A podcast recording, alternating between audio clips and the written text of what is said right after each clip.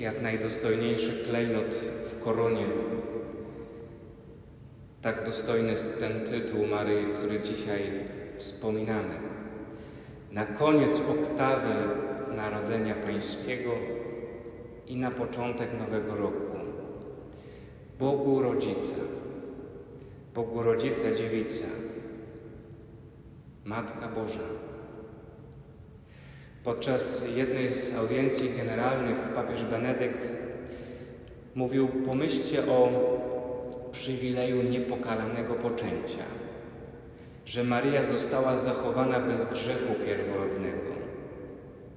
Stało się to ze względu na to, że miała być matką odkupiciela.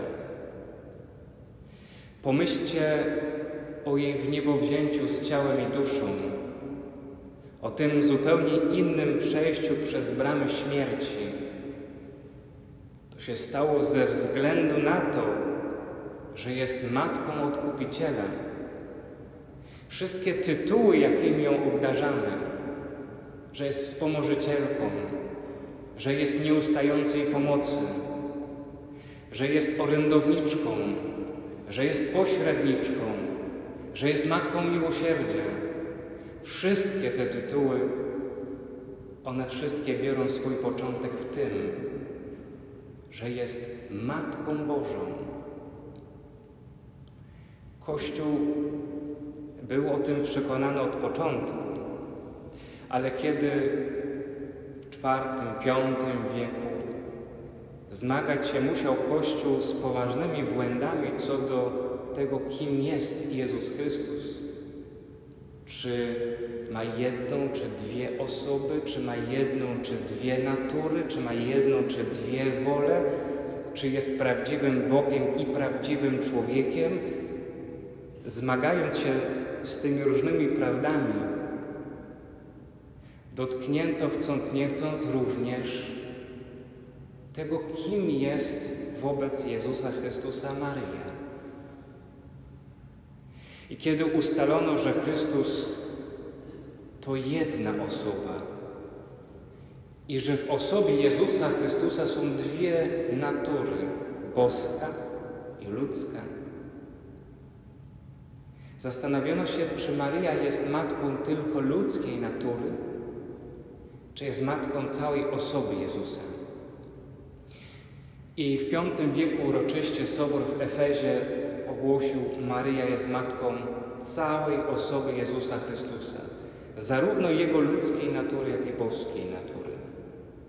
To znaczy, że można z całą pewnością powiedzieć o niej, że jest Matką Bożą, Teotokos.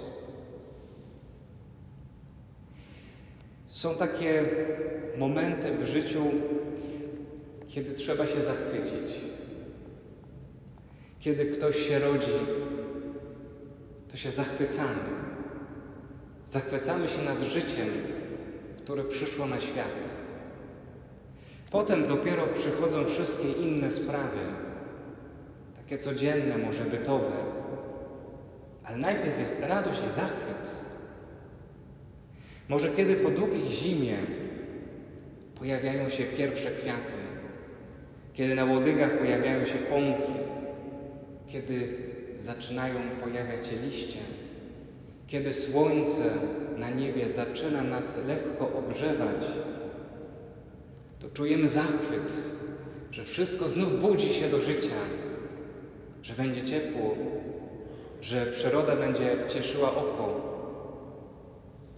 Nie zastanawiamy się przecież od razu, co to praktycznie dla nas oznacza. Najpierw jest zachwyt nad przyrodą, Dzisiaj jest taki moment, w którym warto się zachwycić. Po prostu się zachwycić. Tą najpiękniejszą spośród kobiet, tą najdostojniejszą spośród kobiet, tą najpokorniejszą spośród kobiet, która zyskała tak wielką godność, stając się Matką Boga. Dziś jest dobry moment, żeby się zachwycić i jej podziękować, że powiedziała wtedy tak że dzięki niej przyszedł na świat Zbawiciel, bo skutki jej tak dotknęły nas wszystkich. Dlatego jako Matka Boga jest także naszą Matką. Bogu Rodzica, Dziewica Maryja. Chciałbym Was zachęcić, jeśli ktoś nie praktykuje tego, żeby odmawiać codziennie o 12 modlitwę Anioł Pański. Ta modlitwa nawiązuje do tajemnicy wcielenia, wcielenia i narodzenia Syna Bożego, ale nawiązuje także do tajemnicy jej macierzyństwa, macierzyństwa Maryi, tego, że jest Bogu rodzicą, że powiedziała tak i Słowo stało się ciałem i zamieszkało wśród nas. Prosta, niedługa modlitwa, odmawiana razem z nią codziennie. Chwila zatrzymania w ciągu dnia może nam pomóc przypominać sobie, że mamy nasze życie kierować ku Bogu. Może warto dzisiaj, od dzisiaj, do tej pięknej modlitwy się przyzwyczaić i ją codziennie odmawiać. Kiedy ogłoszono ten dogmat o Bożym macierzyństwie Maryi, w Kościele rozkwitło nabożeństwo do Matki Bożej. Pojawiło się wiele pięknych modlitw, hymnów, antyfon. Pojawiły się kościoły ku jej czci. I pojawił się też pewien piękny hymn, który łączy Kościół na wschodzie i zachodzie, akatyst ku czci Boga Rodzicy. Jeśli macie takie możliwości, to zachęcam, żeby znaleźć sobie chociażby w internecie i włączyć dzisiaj ten piękny hymn, który poetycko wysławia Maryję Bogu Rodzicę. Trwa w zależności od wykonania od 40 minut do godziny.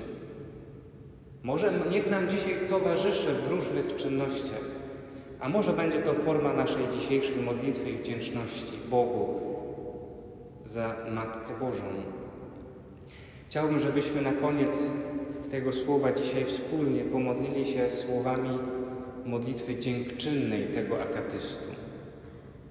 Przyjmij, o potężna, najczystsza Pani i Królowo nasza, Boża Rodzicielko, te pochwalne hymny, które Tobie jedynej z wdzięcznością śpiewamy my, słudzy Twoi niegodni. Wybrana spośród wszystkich pokoleń, nad wszystkie stworzenia nieba i ziemi wspanialszą się okazałaś. Za Twym udziałem Pan zastępów jest z nami.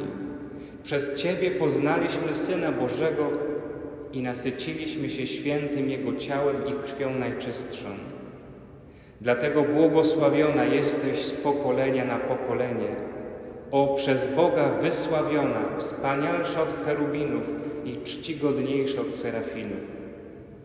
W tej oto godzinie, o pełna chwały Bogu Rodzico Najświętsza, nie ustawaj w modlitwie za nas, niegodne Twe sługi, byśmy od wszelkiej złej myśli i od wszelkiego nieszczęścia wolni byli i od wszelkiej szatańskiej złośliwości uchronieni, aż do chwili ostatniej, wstawiając się za nami, zachowaj nas nienagannymi.